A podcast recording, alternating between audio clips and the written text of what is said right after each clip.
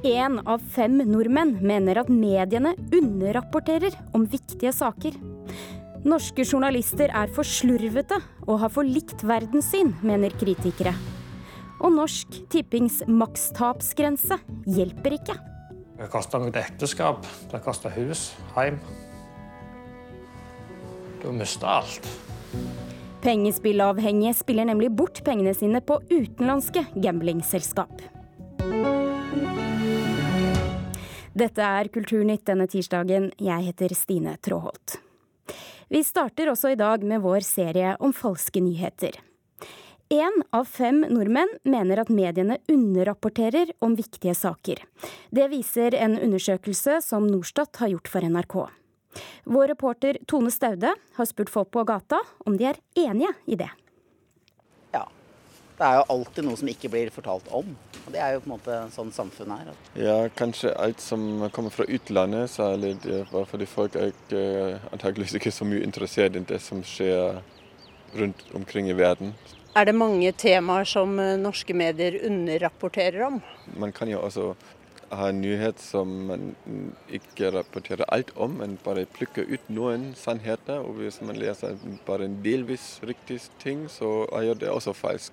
Eli Skogerbø er medieprofessor. Hun er ikke overrasket over at én av fem nordmenn mener at mediene lar være å fortelle om viktige nyheter. Jeg er ikke så overraska over at sånn ca. 20% gjør det. Det er vel nokså rimelig. Det kan finnes mange forskjellige forklaringer fra at folk er veldig opptatt av enkelte områder som, som faktisk ikke blir dekka, til at man bare generelt er skeptisk. Men også nokså mange, nesten halvparten, stoler jo da på etablerte medier. Er det overraskende? Jevnt over så stoler jo folk på, på nyhetsmedier. Og de stoler mest på NRK. Og så stoler de noe mindre på det som pleide å være aviser. Og det kan ha rett og slett med det å gjøre at i Norge så har vi jo i mange år hatt en partipresse, så avisene har vært meningsbærere. Og dermed så har jo folk visst at de ville være mer uenige og mindre uenige med de ulike, og tenkt at det er ulike måter å dekke ting på. Og på gata forteller folk at de egentlig har ganske stor tillit til de etablerte mediene. Jeg stoler ganske mye på det. Stort sett ja, fordi jeg leser ikke bare én avis, jeg leser flere. Men i, i all hovedsak så, så virker det som folk både har tillit og kompetanse til at de vet hva de leser. Det tenker jeg det Derfor må vi stole litt på lyttere og seere, at de faktisk har det. Ja, Det sa til slutt medieprofessor Eli Skogerbø. Og du kan lese mer om denne undersøkelsen og se tallene på nrk.no. Hver gang vi i media gjør feil, så hagler anklager om løgn og falske nyheter over oss journalister. Hvorfor har det egentlig blitt slik? Reporter Gaute Sakariassen har møtt de ivrigste kritikerne. Etter fjorårets skitne amerikanske valgkamp har beskyldningene om falske nyheter og propaganda sittet løst, og media sjøl har havna i skuddlinja. Det virker i det hele tatt som om langt flere enn før stiller spørsmål ved vår troverdighet. Jeg la ut på tur for å møte noen av våre ivrigste kritikere og stille dem spørsmålet er det oss det er noe galt med. Det som jeg reagerer på og skriver om og frustreres over av mediene, det er rett og slett at man skriver så mye som er feil. Når vi først skal svinge pisken over oss sjøl, kommer vi ikke utenom Doremus Schafer. Han er blogger og spaltist, og får støtte fra Fritt Ord for å holde oss journalister i ørene. Ja, og så er han anonym. Derfor den forvrengte stemmen. Han mener vi journalister gjør for mange feil, og at vi er for dårlige til å ta ansvar for de feilene vi gjør. Det er det jo veldig mange medier som ikke er gode på. At de bare, de bare retter uten at det er noen sporbarhet. Eller så retter de ikke i det hele tatt. Eller så, så skriver de en ny artikkel, og så, og så blir bare den gamle artikkelen stående uendret. Samtidig, det finnes verre ting å bli beskyldt for enn slør. Altså Ideologien som, som samtlige hovedstrømsmedier har, for å si det veldig enkelt, en universalisme og en globalisme og et nei til eh, nasjonen, det nasjonale fellesskap. Det er jo den hovedmotsetningen som går gjennom hele Vesten per i dag. Det sier Hans Rustad, tidligere NTB-journalist, nå redaktør for det konservative og innvandringskritiske nettstedet dokument.no. For han var brexit og Trump symptomet på at vi journalister har tatt parti med eliten. og at vi ikke ser det sjøl. Dere vil ikke stille det avgjørende spørsmålet kan brexit og Trump ha noe med oss å gjøre? Dere ser hele tiden etter andre forklaringsmodeller. Da er den blinde flekken så stor at uh, da er det jo ikke noe håp, egentlig. Men la oss ikke gi opp håpet helt ennå. Vi tar en brus med Nina Jerpseth Østli, redaktør for Human Rights Service. Hun mener journalister er greie folk, bare litt for enige med hverandre. Journalister er veldig flinke til å kalle oss som står litt på utsiden for ekkokammer.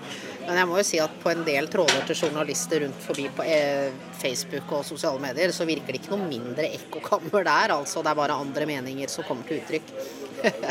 Hvorfor er vi så enige?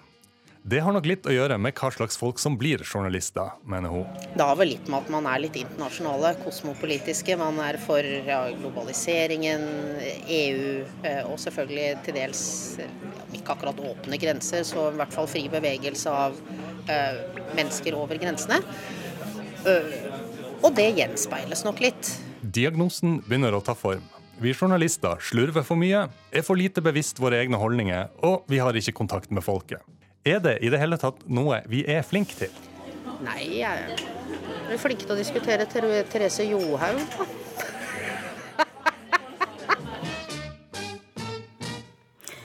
Elin Floberghaugen, generalsekretær i Norsk Presseforbund, velkommen. Takk. Her var det veldig mange ting. Vi får begynne med slurvinga. Er vi for slurvete, vi journalister? Ja, eh, Det er vel lett å svare egentlig ja på det. Altså Det gjøres for mange eh, små og noen større feil. Og det er klart at Her må, må vi skjerpe oss eh, og være mer presise i nyhetsdekningen. Hvordan skal mottakerne da ha tillit til oss, hvis vi er for slurvete? Jeg mener det gjøres veldig veldig mye godt eh, arbeid i norske redaksjoner. I helga har jeg vært på Scoop-konferansen som har vist fram det ypperste av norsk journalistikk. Eh, det er virkelig ikke grunn til å, til liksom krisemaksimere eh, disse tingene. Men jeg sier at ja, man må, man må stramme inn og være mer presise. Men er vi litt for dårlige til, når vi skal rette opp feilene våre, at vi blir litt for kjepphøye og ser for oss på oss selv som allvitende og objektive, og så innrømmer vi ikke at vi også har feil og mangler som alle andre mennesker? Ja, Det har vi, men, men jeg er også veldig uenig i de som, som, mener at journalister har en felles ideologi. En felles eh, liksom, slagside. Jeg mener at ideologien til journalistikken er Vær varsom-plakaten. Veldig mye av de, de, tingene som handler om faktasjekk, om kildekritikk og sånne ting, det ligger veldig tydelig i Vær varsom-plakaten. Men er vi flinke nok til å legge oss flate? Nei, altså Det å beklage feil eh, er vel muligens heller ikke medienes fremste fortrinn. Eh, og det bør man, bør man, være, i tillegg til å, til å eh, være åpen om de arbeidsmetoder man, man, bruker, så langt det er mulig. Og være åpen om de valg og de vinklinger eh, man tar. Hva syns du om poengene at vi journalister er for like? Nei, eh, igjen så mener jeg at eh, man tar feil hvis man mener at journalistikk og, og journalister har en, har en, felles ideologi. Men eh, jeg synes eh, at rekrutteringen av journalister kunne nok vært bredere. Og at redaksjonene må huske på å eh, rekruttere folk med ulike ståsted, ulike kompetanser og fra ulike miljøer. Det er viktig. Mm, det er viktig, men gjøres det i stor nok grad? Ja, jeg mener faktisk det er mye større bevissthet rundt dette nå enn det var for en del år tilbake. Hva blir den viktigste oppgaven for pressen nå? Det er å synliggjøre eh, hvordan man jobber. Eh, det er å jobbe veldig godt med eh, kildekritikk, med faktasjekk. Det har vært tatt noen veldig gode grep i bransjen eh, de siste årene knyttet til eh, f.eks. kampanjen 'Hvor har du det fra?', som prøver å lære bort eh, kildekritikk også, til, i skoleelever f.eks. Faktisk.no som lanseres nå, eh, et viktig bidrag for å sjekke påstander som kommer fram i samfunnsdebatten. Sånne ting tror jeg at være tydelig og åpen om arbeidsmetodikken vår. Tusen takk for at du kom til Kulturnytt, Elin Floberg Haugen, som altså er generalsekretær i Norsk Presseforbund.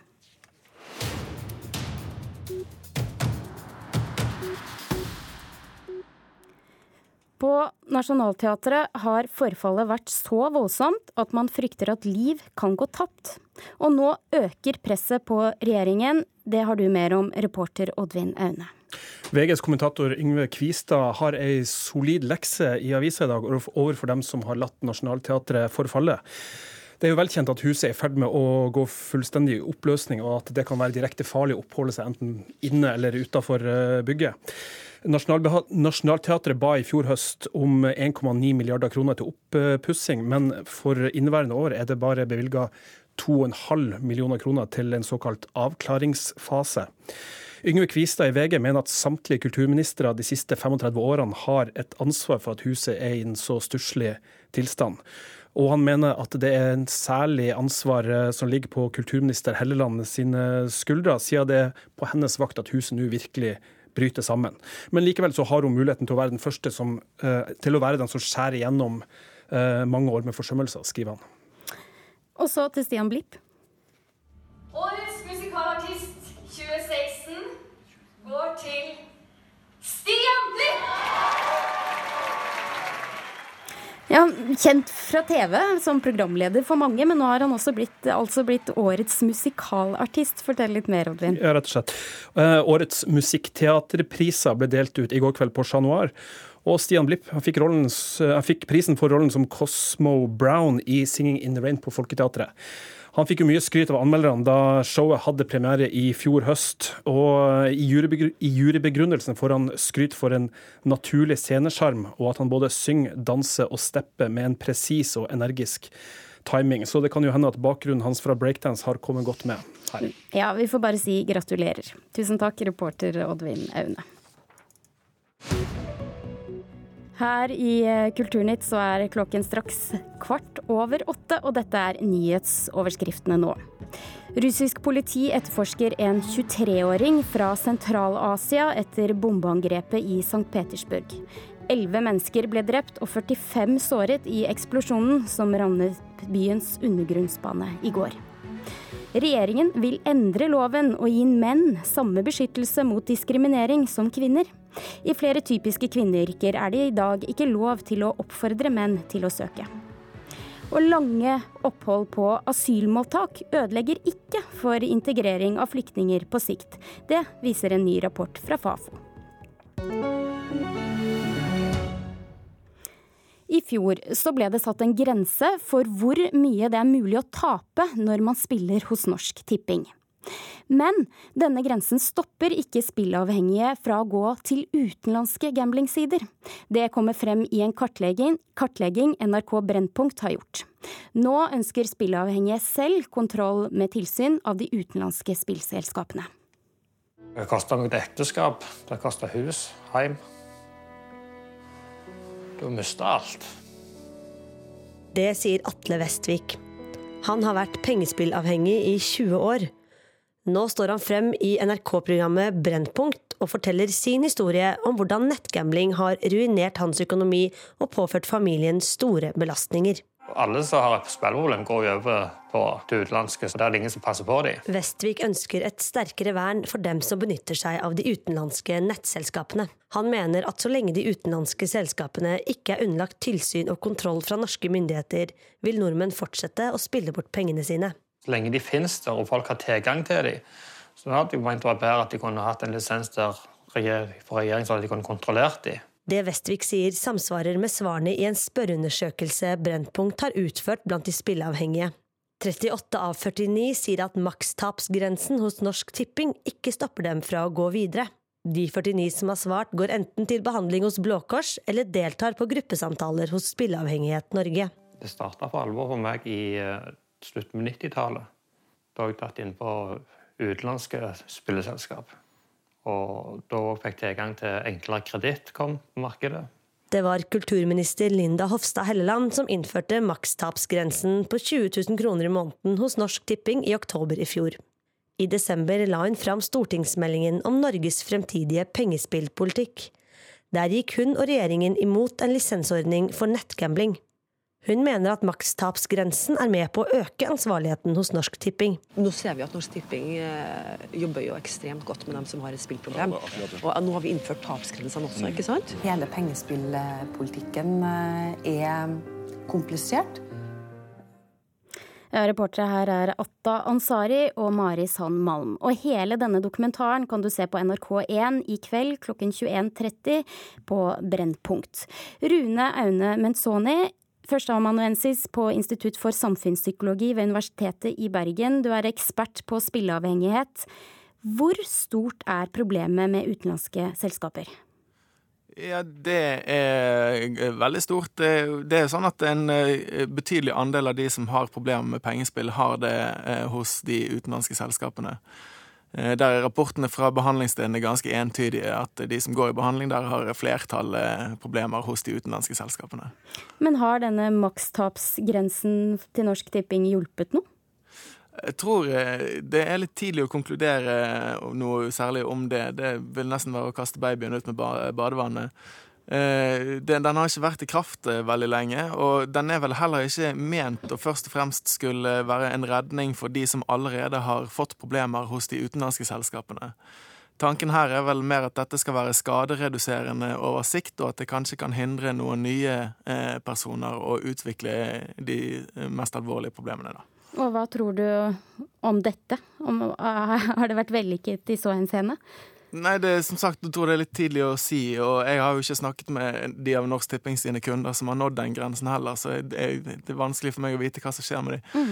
Eh, men, eh, men, jeg har god tro på at dette har en effekt, altså. Det har jeg. Men da, hvis vi ser litt nærmere på de utenlandske spillselskapene, er det mulig å hindre, når man som spilleavhengig har lyst til å spille mer, at de går til utenlandske gamblingselskaper? Nei, per i dag er det ingenting i veien for det. Det er helt uh, fritt frem for hvem som vil å gå inn på de utenlandske spillselskapene og uh, opprette konto der og spille. Det at det frontes f.eks. av kjendiser her i Norge, hvordan påvirker det spilleavhengige? Det er jo eh, normgivende, det. Det er jo trendy i tiden og så videre. Så det det er jo derfor, det er jo ikke noen tvil om at det er derfor de utenlandske selskapene bruker kjendiser. Det er for å få eh, rollemodeller som kan eh, spre budskapet om at dette er et OK og trivelig tilbud. Ser du for deg noen løsning på dette? Det går an å tenke seg løsninger på dette, men det, det, er komplisert, som man sier. Men det er jo en teoretisk mulighet hadde jo vært at man innførte en lisensordning der eh, det var tilsvarende strenge krav til eh, alle eh, selskapene som var på markedet.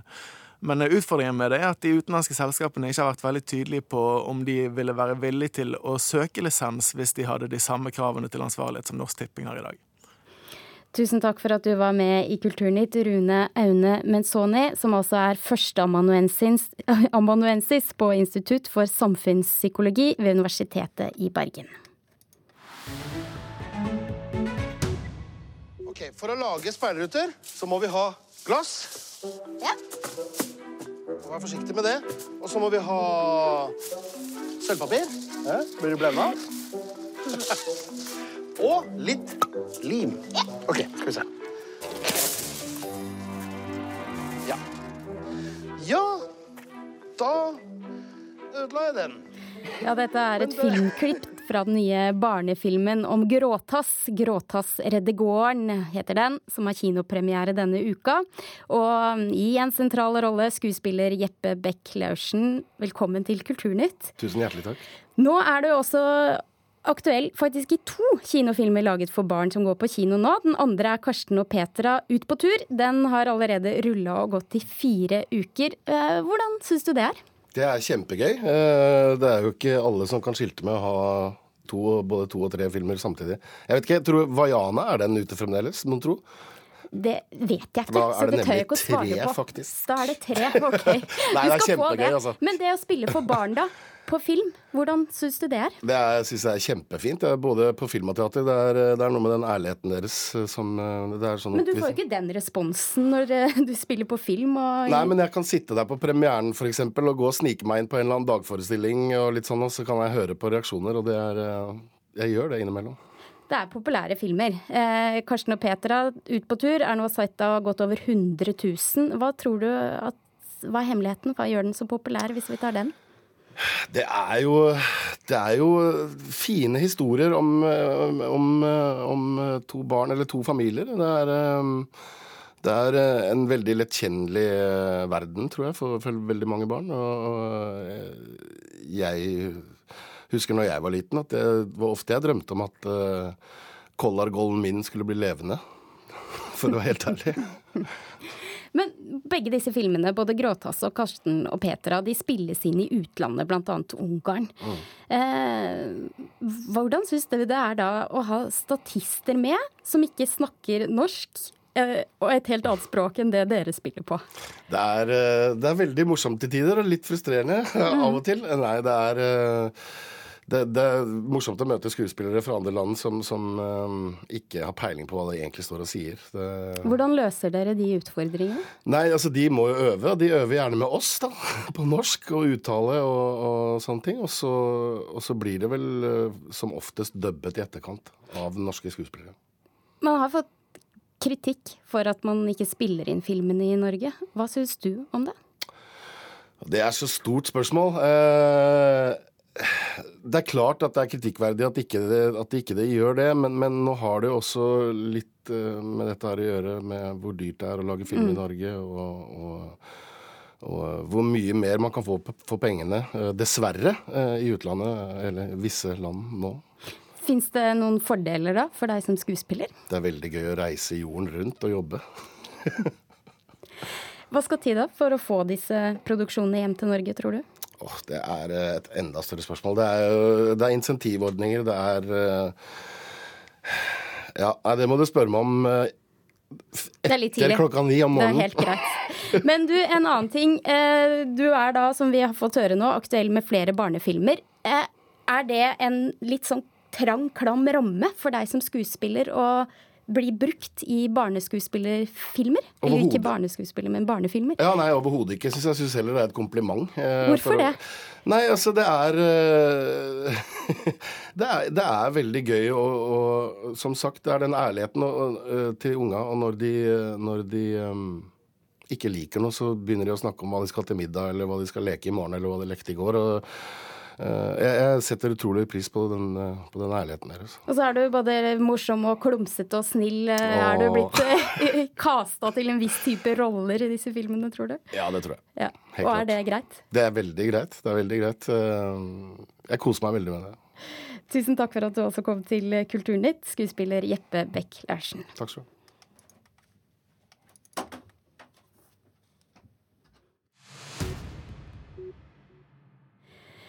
Den norske fotografen Kåre Kivijärvi regnes som den første fotografen som fikk anerkjennelse som billedkunstner. Han var blant, annet også den første som fikk antatt et fotografi på den tradisjonstunge høstutstillingen. Og nå så viser Henny Jonstad Kunstsenter utstillingen Kåre Kivijärvi, kamerakunstneren. Og Mona Palle Bjerke, hva slags fotografier er det han er kjent for? Han er kjent for disse svart-hvitt-fotografiene, hvor det ikke er så mye detaljer, men hvor det er veldig klare linjer og harde kontraster. Og hvor han egentlig er veldig inspirert av grafikk. Det ser man veldig tydelig. Han er jo en kunstner da, som utforsker sin egen kvenske identitet.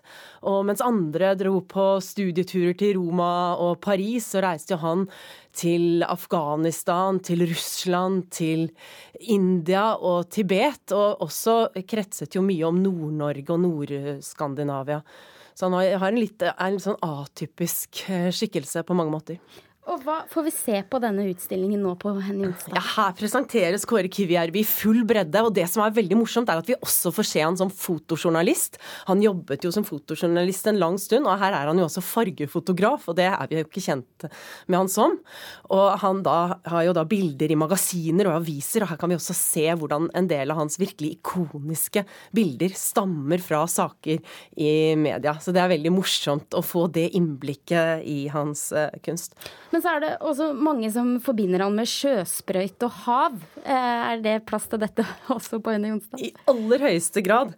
Det var jo nesten sånn at eh, liksom i Sal Håken at jeg kjente lukten, altså den ramsalte lukten av hav og fisk og vått tauverk.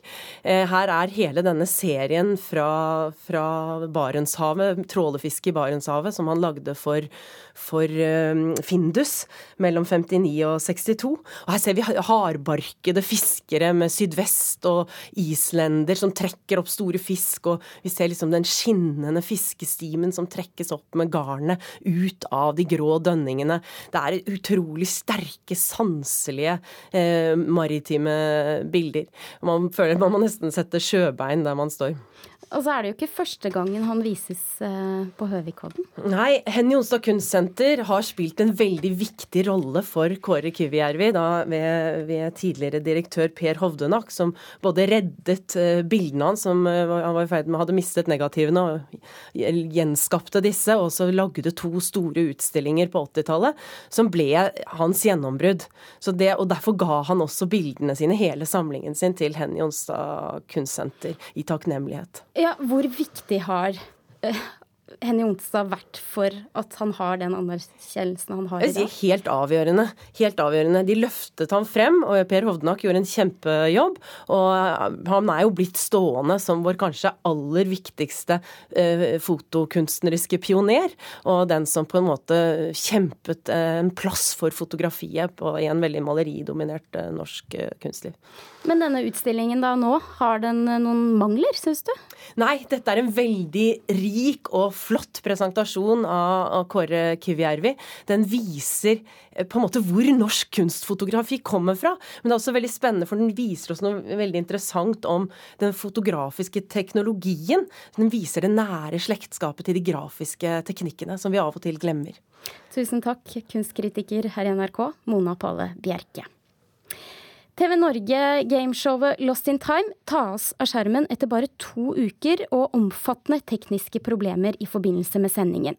Programmet får en kort pause for å sikre at både spill og TV-opplevelsen blir så bra som lovet, og den skal være tilbake igjen på skjermen 22.4. Grunnen for pausen er at teknikerne skal få tid til å forsikre seg om at små barnesykdommer og større serverproblemer blir ryddet av veien. Og det var siste melding fra Kulturnytt, produsent for denne sendingen sendinga Lisa Stokke. Nå får du Dagsnytt, og Nyhetsmorgen fortsetter helt fram til klokka er ni.